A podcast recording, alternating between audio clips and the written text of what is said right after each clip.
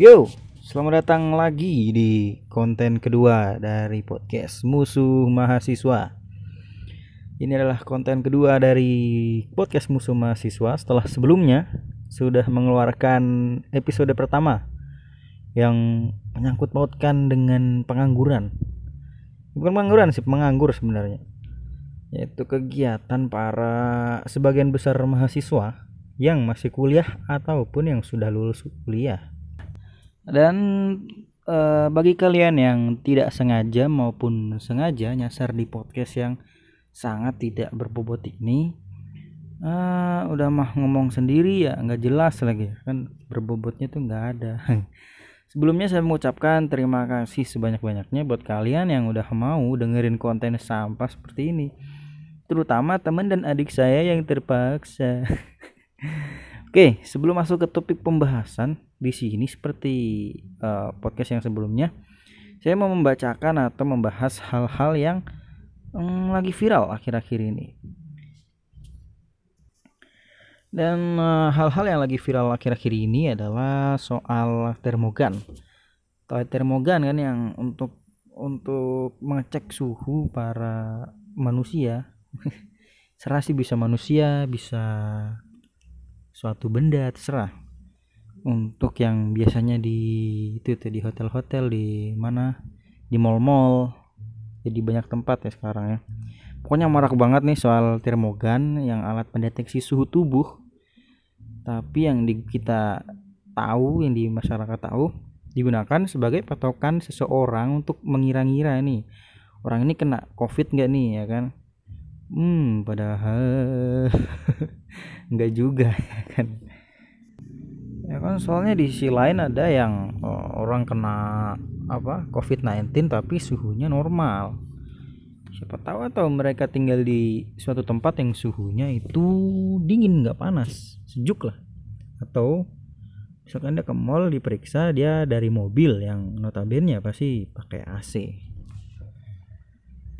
yang viral uh, tentang termogan itu adalah katanya termogan disebut berbahaya untuk otak.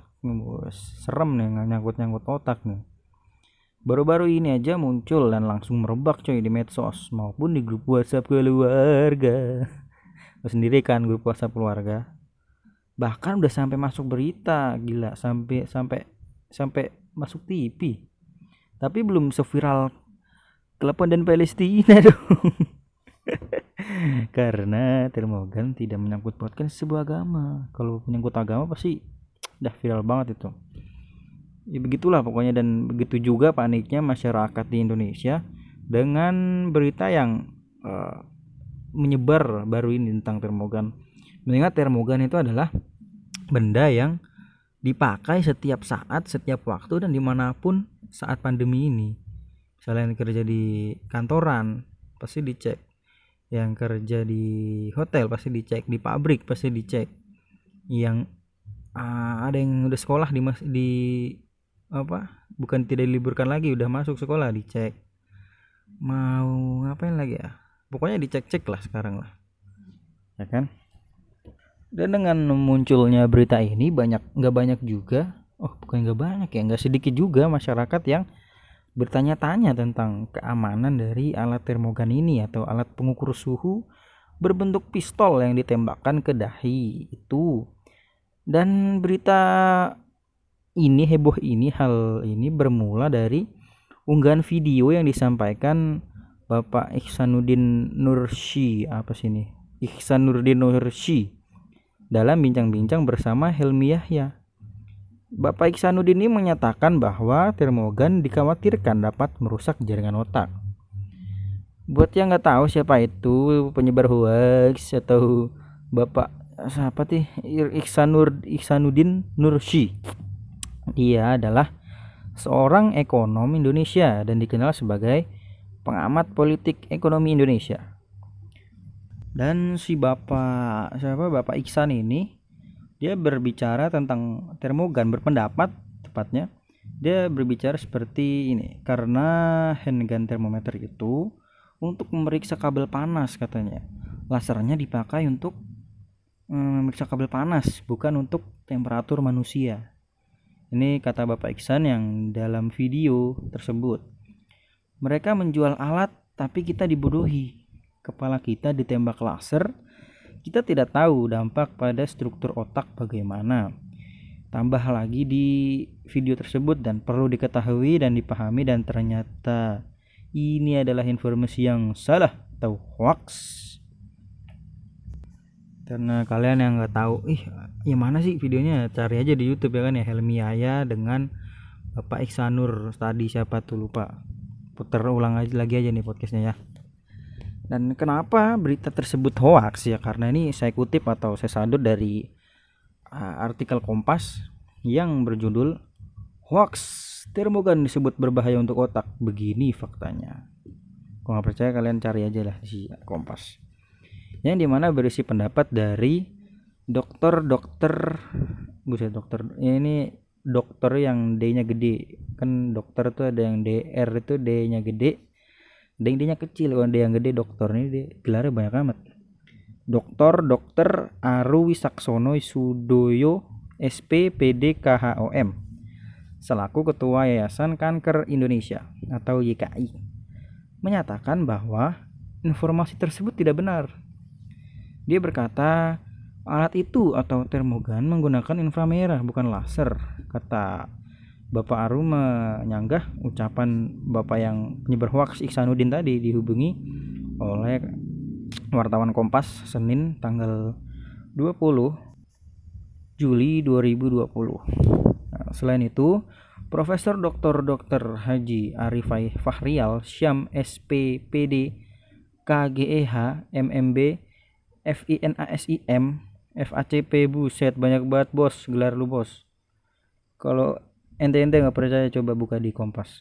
Dengan judulnya hoax termogan disebut berbahaya untuk otak. Gitulah judulnya cari yang kata bapak tadi yang gelarnya banyak tadi yang merupakan guru besar pada Departemen Ilmu Penyakit dalam FKUI RS Cipto Mangunkusumo. Juga menegaskan hal yang sama. Uh, Pak Ari ini menyampaikan Termogan sudah lulus uji kesehatan dan aman digunakan. Termogan sudah lulus uji kesehatan, jadi sudah diperhitungkan bahwa alat ini aman. Kata Bapak Ari kepada wartawan Kompas 20 Juli 2020.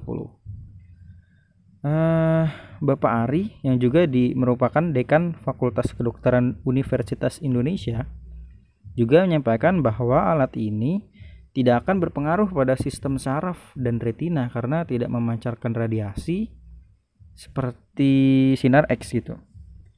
Dia Bapak Ari tadi berkata termometer inframerah tidak memancarkan radiasi seperti sinar X dan karena itu nggak nggak mempengaruhi sistem saraf termasuk juga tidak merusak retina kata Bapak itu. Ya, begitulah mungkin klarifikasi dari ahli kesehatan yang menanggapi Lagian si bapak pakar ekonomi urusin aja ekonomi Indonesia yang lagi merosot bangsat ngapain ente ngurusin termogan? Mau sabar diri anda. Tapi yang penting sih dia nggak bilang termogan haram. Ya dan selain termogan tadi berita yang cukup viral akhir-akhir ini adalah layangan.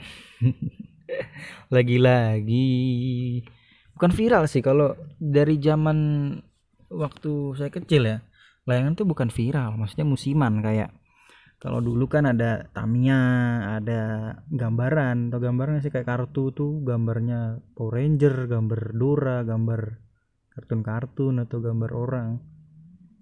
Bukan viral musiman. Tapi kalau ya, milenial milenial sekarang nyebutnya viral. Tapi ya gitulah. Pokoknya viral ya layang-layangan pada main layangan. Karena mungkin bosan di rumah ya kan. Mau keluar mau ke mana pada ditutup tempat wisata bagian di kota mall-mall juga eh, masih banyak yang tutup. Mau bioskop tutup mau ke restoran nggak boleh harus dibawa pulang dibungkus take away. Nah, akhirnya banyak yang main layangan selain bersepeda ya. Sepeda juga kan mungkin bosen waduh banyak banget yang main sepeda layangan aja dan uh, sebenarnya main layangan tuh tergantung tempatnya ya bahaya nggak bahayanya. Dan layangan itu uh, banyak kisah tragisnya anjing tragis. Ya kisah negatifnya lah. Daripada sisi positifnya. Dan yang eh, akan saya bacain adalah eh, layangan jatuh bikin gardu PLN padam 5 jam. Pemilik ditangkap polisi. Buset. Layangan jatuh bikin mati lampu anjir biasanya bikin mati lampu banjir ya kan? Eh, ada petir ada badai. Ini layangan anjir. Walaupun untuk 5 jam ya kan? Kalau yang masyarakat biasa ya nggak apa-apa lah. Tapi kalau yang lagi kuliah online gimana anjing? Misalkan pakai wifi listrik putus mati lampu bah. Terus bagi kantor-kantor ya kan? Atau yang instansi-instansi yang membutuhkan listrik tentunya ini saya sadur dari kompas.com Nah, di Denpasar kejadian ya. Di Denpasar polisi menangkap DKS berumur 50 tahun anjing. 50 tahun melayangan bang. Cucumu urusin cucumu. Cucumu urusin pak. Karena layangan miliknya putus dan jatuh di gardu induk PLN Pesanggaran dan Pasar Bali. Akibatnya listrik untuk 71.120 pelanggan di wilayah Kuta Denpasar Selatan dan Denpasar, Tim Denpasar Timur padam pada Minggu 19 Juli 2020 pukul 16.45 waktu Indonesia Tengah. Layangan berukuran besar itu jatuh di bus bar dan aki bus bar apa? Iya, bus bar ada tulisannya. Dan akibatnya padam tiga trafo gardu induk. Itu kata Pak Kapolresta dan Pasar Kombes Johnson Avitus Panjaitan dalam keterangan tertulis. Peristiwa tersebut yang Nah, layangan jatuh itu terjadi pada hari Minggu 19 Juli 2020 saat itu bapak yang tidak punya moral pada KS berumur 50 tahun bersama anaknya oh bersama anaknya menerbangkan layangan jenis bebean yaitu layangan yang besar di sebuah tanah kosong di dekat kawasan pelabuhan Benoa layangan tersebut terbang dengan panjang tali yang diulur lebih kurang 150 meter buset Tali layangan lalu diikat di pohon dan ditinggal pulang ke rumah. Anjir itu benih. Oh, Pak, ajar anaknya, Pak. Pak, masalah yang tunggal ke rumah kalau nyangkut. Mati anak Anda, mati. Mati anak Anda. Namun layangan tersebut putus dan jatuh di gardu PLN. Nah, pemilik mengetahui jika layangan tersebut putus tapi nggak berusaha nyari itu. Ya, deh, layangan gue putus, Bu. Bodoh amat lah beli lagi. Tapi Anda Pak nggak mikir untuk ke depannya. Peristiwa tersebut berimbas pada padamnya listrik selama lebih kurang 5 jam di wilayah tersebut.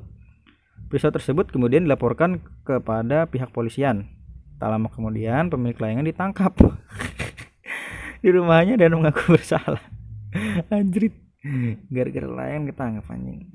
Atas perbuatannya pelaku dijerat pasar pasar lagi Bih, pasal 188 KUHP subsidiar pasal 409 KUHP ayat 1 dengan berbunyi barang siapa dengan kesalahannya menyebabkan kebakaran atau peletusan yang berbahaya bagi orang lain.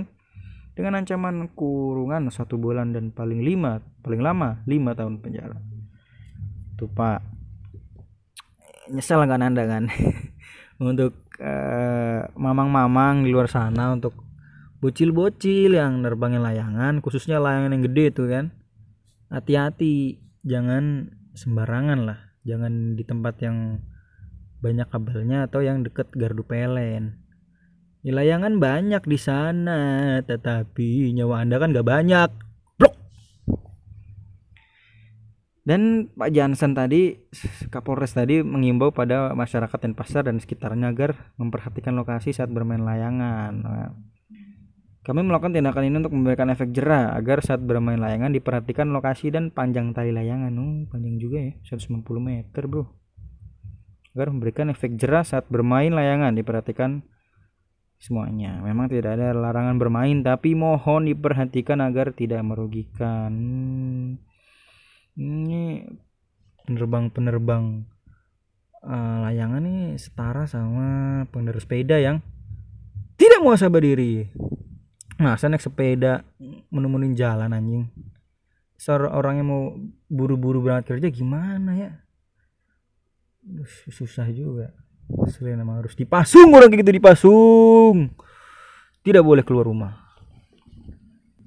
Oke lah nggak usah berlama-lama nggak usah ngurusin layangan yang ngejelas tadi. Sebanyak cincong masa basi langsung aja ke, ke topik pembahasan kali ini. Yang setiap hari setiap waktu melekat dengan kehidupan seorang mahasiswa dan uh, yang lain juga ya. Dengan sesuai judul yaitu menurut saya berteman itu tidak perlu sih perlu. Hmm, disclaimer lagi ya. Untuk para sobat-sobat pandet tipis mohon mau sabah diri dulu anda ya. Jangan ke trigger dulu.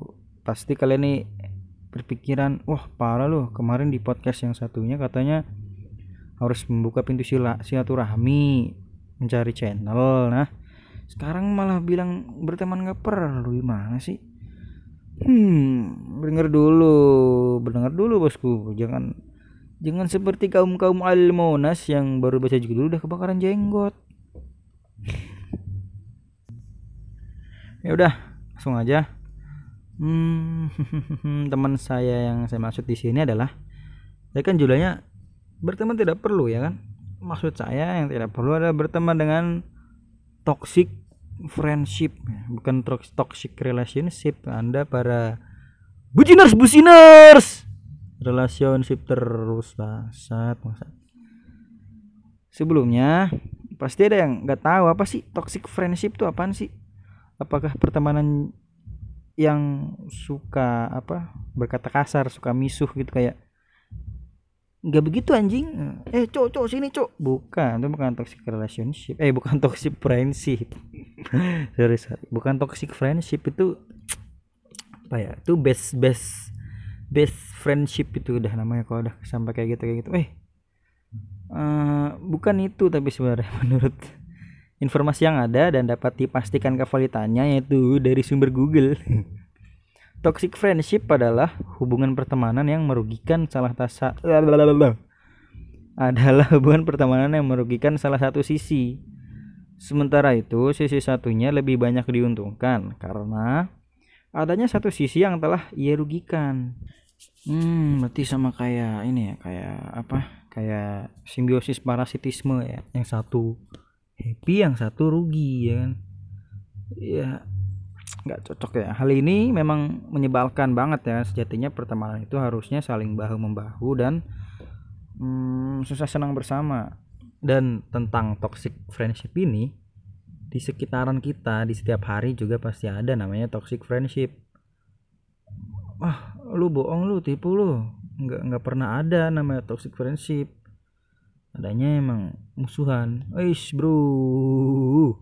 Toxic friendship tuh ada nyatanya cuman lo belum ngerti istilah toxic friendship mungkin. Ngertinya musuh dalam selimut. Ya, seperti penjelasan tadi toxic friendship tuh ya yang kayak gitu yang apa ya mungkin bisa disebut munafik juga atau tanpa disadari gitu loh. Kayak misalkan si A dan si B itu berteman tetapi si B itu merasa dirugikan. Tapi beda lagi kalau si B tidak merasa dirugikan misalnya kayak si A minta rokok mulu kayak si B.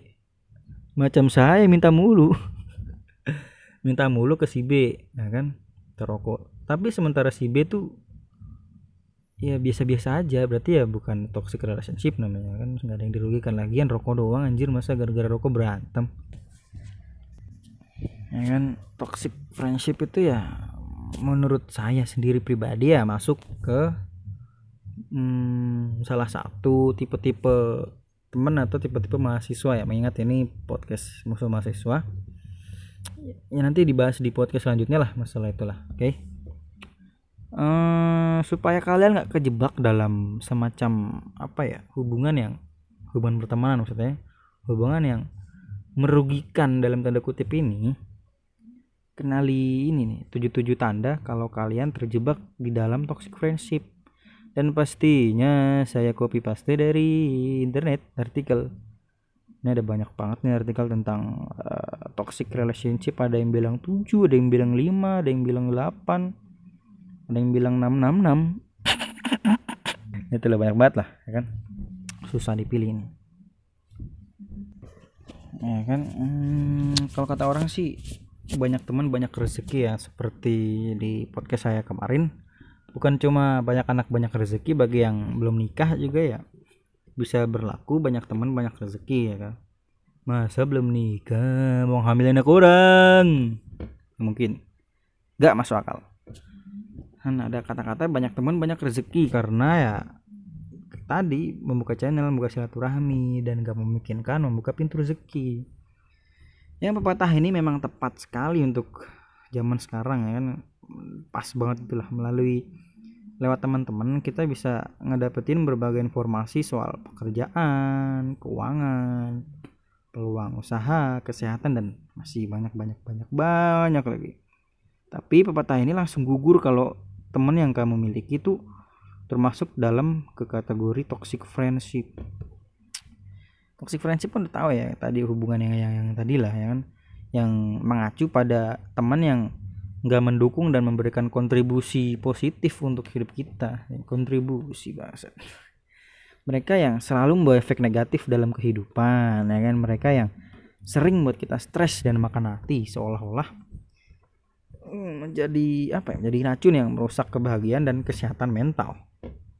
Teman-teman kayak gini nih harus dihindari karena sampah itu loh nggak bermanfaat jika kalian punya toxic friendship segera jauh-jauh dah dari mereka namun hmm, sebelum jauh-jauh dari mereka pasti ada ciri-ciri yang tadi saya sebutin ya ciri-ciri atau hmm, kalian bisa ngira-ngira ya ini saya kopas copy paste dari kompas.com seperti biasa Menurut kompas.com, inilah ciri-ciri toxic friendship yang perlu dihindari. Ya kan? Dalam berteman, kita harus punya strategi. Jangan asal pilih. Alih-alih mendapatkan teman seperjuangan, kalian malah dapat teman yang membawa kesusahan. Berikut adalah ciri-ciri dari toxic friendship atau toxic friend. Yang nomor satu pertama adalah dia tuh memprioritaskan dirinya sendiri atau mendukung dirinya sendiri. itu mendukung dan berada di sisi teman saat sedang kesusahan adalah hal yang patut dilakukan mendukung teman ini hmm, apa ya salah satu yang harus kita lakuin gitu kalau mau dapat temannya seperjuangan ya kan? Tetapi tidak berarti kita harus selalu memprioritaskan teman setiap saat. Toxic friend biasanya akan menyuruh kita untuk segera meninggalkan apa yang sedang kita lakukan dan segera membantunya. Kedua toxic friendship ciri-cirinya yaitu hanya memanfaatkan kita cuma manfaatin doang. Sering hanya muncul saat sedang butuh. Nah ini uh, salah satu ciri dari toxic friendship yang umum.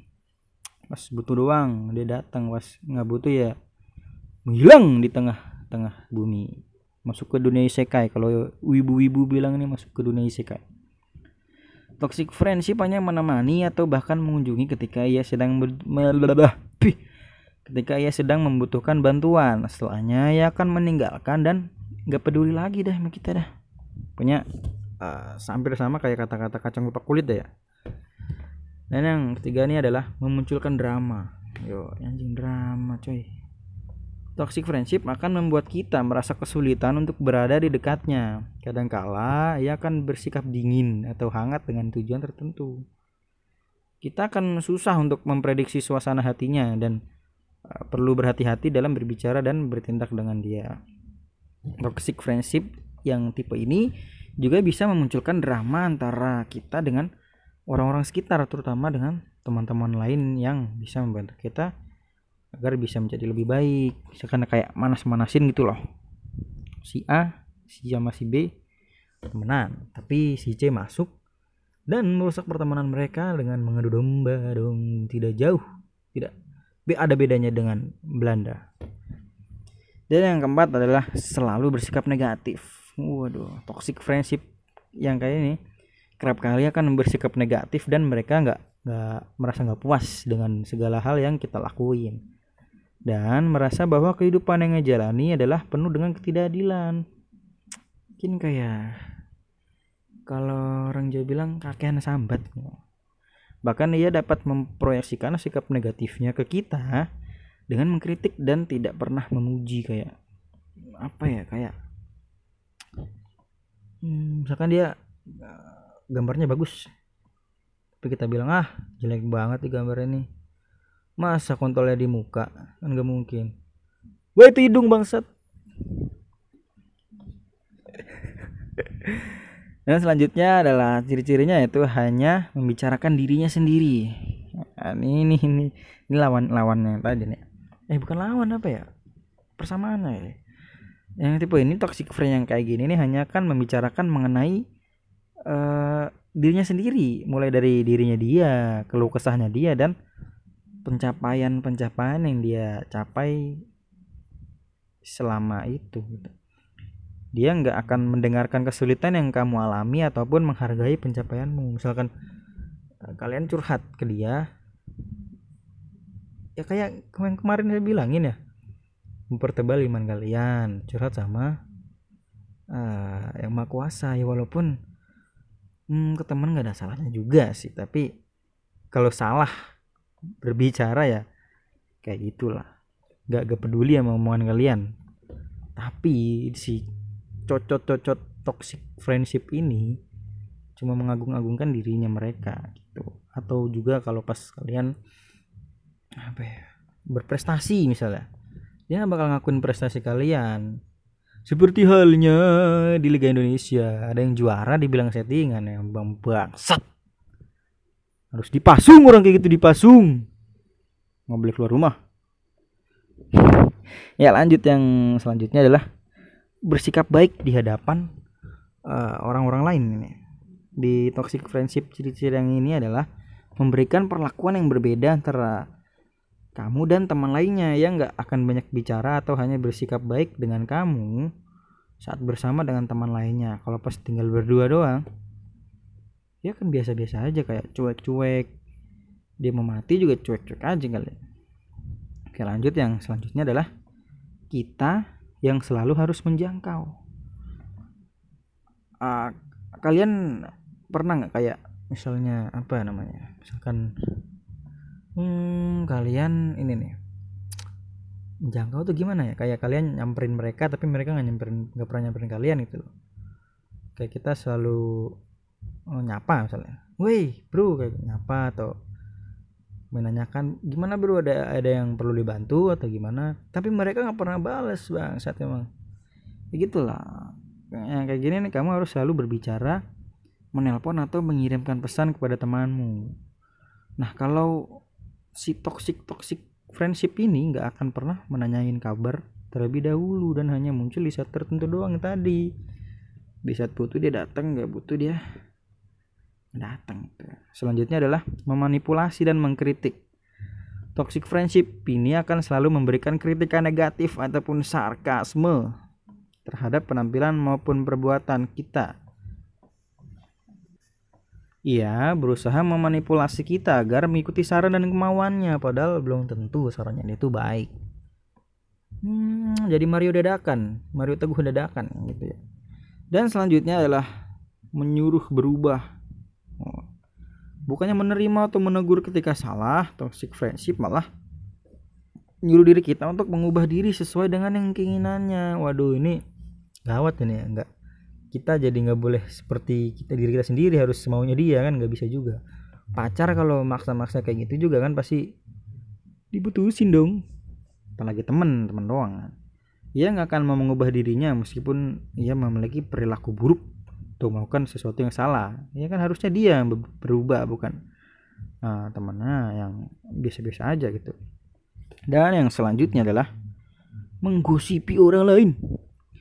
Ini gosip-gosip di sini maksudnya bukan bukan gosip yang apa ya yang yang yang yang sarkas gitu lah ya. Gosip di sini maksudnya gosip yang kayak eh si ini fitnah gitu lah fitnah fitnah ya hati-hati dengan teman-teman yang senang bergosip fitnah. Ya. maksudnya bohong itu bukan karena hal-hal yang nyata. Karena selain merupakan indikasi dari toxic friendship teman yang senang memfitnah orang lain atau teman yang lain berpotensi untuk membicarakan kita tanpa sepengetahuan kita ya. Kita nggak ngelakuin nggak ngelakuin nah dibilang ngelakuin ah ya kan? Susah kayak kita. Ngapain curigai gitu gitu dan selanjutnya adalah membuat kita berkompetisi dengan teman yang lain Toxic friendship kerap kali membandingkan kamu dengan teman atau sahabat yang lainnya secara tidak langsung. Yang kamu akan merasa perlu untuk berkompetisi dengan uh, orang lain untuk merebut perhatiannya. Buset ini udah masalah rebut merebut perhatian. Setara kayak PDKT coy. Selanjutnya adalah suka menuduh orang lain. Nah, meskipun salah, ia malah menyalahkan orang lain, gak mau ngakuin gitu loh. Selain dirinya dan bahkan sering kali kamu yang disalahin itu dituduh gitu. Nah, lagi membuat selanjutnya membuat kita terjebak dalam masalah. Memiliki teman yang suka petualangan dan hal-hal yang mendebarkan nggak nggak salah sebenarnya. Tapi kamu harus menyadari bahwa teman yang malah menjerumuskan yang ke dalam hal-hal yang buruk itu adalah si toksik ini si teman yang toksik friendship ini tuh ya bukannya apa membawa kita ke hal yang baik malah hal yang buruk gitu misalnya kayak uh, maaf ya ini bukan gue anjing gue. Bukan saya sok sok sok suci gitu kayak terjebak dalam masalah tuh kayak narkoba digerebek ya kan kena masalah tangkap polisi mampus orang tua lu nangis kan atau miras. Miras-miras yang terdaftar ya apa apa miras-miras campuran pakai komik komik satu pak diminum semua. Modal dong mas. Hey kerja makanya. Tuh kayak itu gitulah. Terjerumus dalam masalah. Dan selanjutnya adalah membuatmu merasa stres atau sakit secara fisik. Uh gila di sini kamu mulai merasa lelah secara fisik dan mental. Uh nyangkut mental nih bisa-bisa kayak joker nih. Rasa stres dan cemas mulai muncul saat bersama dirinya dan kamu akan merasa lebih rentan sakit atau mengalami nyeri di tubuh karena stres berlebih. Uh, jika temanmu memiliki beberapa ciri di atas dan berteman dengannya malah membuatmu menjadi bertambah buruk, maka bisa jadi temanmu itu termasuk toxic friend dan kamu masuk ke dalam area toxic friendship gitu loh. Dan ya gitulah. Hmm, susah juga ya kan? Toxic friendship tuh ya jelek gitu kayak sama halnya dengan toxic relationship gitu. bisa juga kena mental bisa juga kena fisik ya. Bahaya semua. Apalagi kalian-kalian yang masih kuliah kan? Butuh uh, mental ataupun semangat untuk buat belajar buat cari-cari kerja cari-cari apa? Cari-cari kegiatan ya kan? Malah stres gara-gara terjebak dalam toxic friendship ini ya.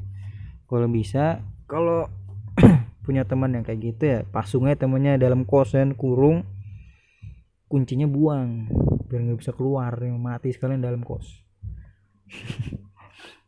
uh, itu ciri-ciri yang gua anjing gua terus nih yang saya kutip dari kompas.com kalau kalian mau cari di tempat lain bisa aja banyak kok di Google itu.